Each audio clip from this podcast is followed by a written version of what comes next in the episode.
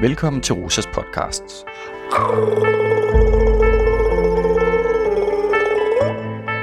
I denne episode Belastningspsykologi og det bæredygtige arbejdsliv er vi i selskab med psykolog Rikke Høsted, som er stifter af Institut for Belastningspsykologi og blandt andet har skrevet grundbog i belastningspsykologi om forebyggelse af primær og sekundær traumatisering ved psykisk krævende arbejde. Vi skal høre, hvad forskningen i belastningspsykologi peger på som de vigtigste beskyttende faktorer for, at vi som hjælpere selv kan holde balancen i et bæredygtigt arbejdsliv. Men først skal vi forsøge at aflive den sejlivede usårlighedsmyte med rødder, der går tilbage til kampene i skyttegravene under 1. verdenskrig. Når vi taler om belastningspsykologien, og det, at vi som mennesker selvfølgelig bliver påvirket af de omgivelser, vi er i, og de krav, der stilles til os, så øh, skal vi faktisk skrue tiden helt tilbage til 1. verdenskrig. Krige er noget af det, det er et af de fag, der er undersøgt øh, i allerlængst tid, så når vi taler belastningspsykologi, står vi oven på militærpsykologien. Første verdenskrig, der er mange, der dør, men mange af dem, der overlever, har det, de så kalder granatschok. Men man undrer sig, fordi i begrebet granatschok er der, at, at det nok var, fordi soldaten havde været i nærheden af en eksplosion, og man havde en eller anden fysisk forklaring, at det var noget op i hjernen, sådan en lille hjernerystelse. Men så var det alligevel også lidt mærkeligt, at der var nogen, der udviklede granatschok, der ikke havde været i nærheden af en eksplosion. Så derfor lavede man i stedet den hypotese og konklusion, at det handlede om, at der var simpelthen nogle fagpersoner, her soldater, der var egnet til mental belastning, som ligesom var immune, ligesom havde teflon på sjælen, og så var der de, der ikke havde. Man kaldte det usårlighedsteorien og usårlighedshypotesen. Og når vi kommer op i 2. verdenskrig, så vil man selvfølgelig rigtig gerne teste den her usårlighedsteori og finde ud af, hvem er det, der er usårlige. Fordi hvis det var så vel, så skulle vi selvfølgelig finde dem, fordi så var det dem, der kunne tage det, det krævende arbejde. Men det, der viser sig, det er, at der var ikke nogen, der var usårlige. Alle havde breaking point. Og det indtrådte på overraskende samme tidspunkt for kæmpe grupper af soldater. Det var omkring dag 200 i øh, skyttegraven, og det skal siges, det er ikke 200 dage i kamp i en skyttegrav, der er mange ventedage. Men omkring dag 200, så begyndte de mentale propper at springe, så at sige. Og efter dag 240, så var der praktisk talt ikke nogen soldater tilbage, der havde en mental balance, og derfor var kampklar. Så vi faldt på 40 dage, og det var en meget tydelig dokumentation på, at det her det er dosis-respons. Altså, des højere en dosis, des højere respons. Og der var to faktorer, der gjorde skældende. Det ene var frekvens, hvor mange dage havde soldat med i skyttegraven, og det andet var intensitet, altså hvor intense kampe havde været, kommet været med i. Og skruede man op for de to forhold, jamen så var det så sikkert som ammen i kirken, så faldt alle.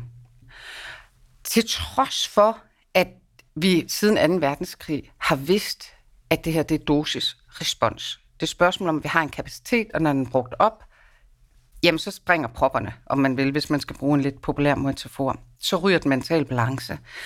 Til trods for den viden, så har myterne om den usårlige hjælper og myterne om den ufejlbarlige leder overlevet, og de spiller stadigvæk en pus, og hver især af os hopper igen og igen på den, og efterstræber noget, der dybest set er en myte, som er en illusion, som ingen af os har fysiologi eller psykologi til at kunne præstere. En grundlæggende erkendelse i belastningspsykologien er altså, at vi alle reagerer på belastninger. Når belastninger bliver store nok, længe nok, rammer vi alle et breaking point. Ingen er immune, ingen er usårlige. Det gælder for soldater i krig, og det gælder generelt alle mennesker, der risikerer at blive traumatiseret efter nærkontakt med død, ulykke, trusler, overgreb osv. Men det gælder også den professionelle hjælper, som har til opgave at leve sig ind i og forholde sig til andres traumer og smertefulde følelser. Som professionel hjælper risikerer man at havne i det, der inden for belastningspsykologien kaldes sekundær traumatisering, når belastningernes intensitet og hyppighed bliver for høje. Heldigvis rummer belastningspsykologien også viden om, hvad der beskytter os mod at komme i mental ubalance heldigvis så, øh, så sad forskerne ikke øh, mumlende og skuffede tilbage, da deres immunitetshypotese faldt. De var sande videnskabsfolk, så de blev ved med at undersøge, hvordan de her soldater havde det. Og øh, så fandt de nemlig ud af, at der var nogle soldater, som klarede sig overraskende godt, altså statistisk set, i forhold til, hvor mange dage de havde været i skyttegraven, og i forhold til, hvor intense kampe de havde været med i, så var de virkelig øh, well off mentalt set. Og så undersøgte jo de her soldater for at finde ud af, hvad var det, der kendetegnede netop dem.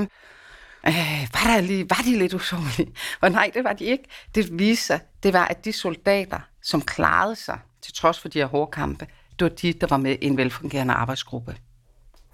Man fik simpelthen øje på værdien, for alvor øje på værdien af det at være i et arbejdsfællesskab med nogen, man stoler på, nogen, der hjælper en, og nogen, som man hjælper.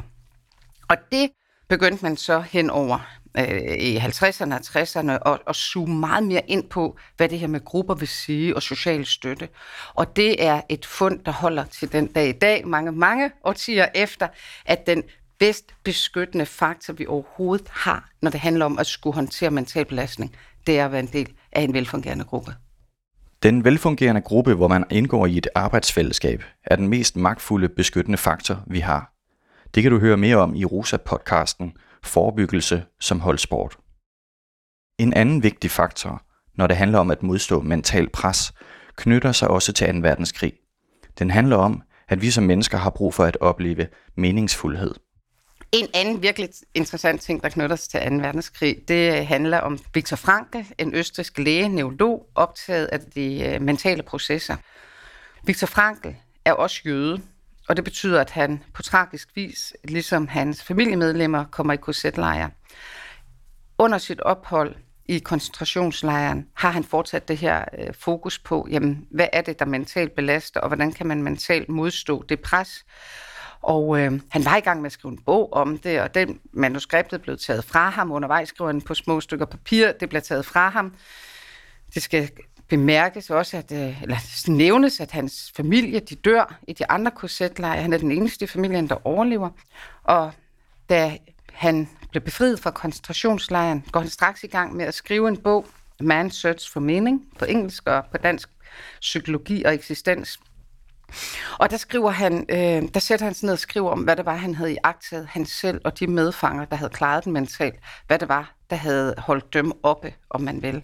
Og sætter her fokus på meningsfuldhed, som det fuldstændig centrale, kan man sige, værktøj. Men han beskriver i bogen her, hvordan meningsfuldhed bliver det helt centrale. Og det er meningsfuldhed i forhold til øh, at opføre sig ordentligt over for sine medfanger og hjælpe, altså blive ved med at være et værdigt menneske. Du har meningsfuldhed i forhold til stærke dagdrømme om, hvad der skulle øh, ske, når han blev befriet fra korsetlejren.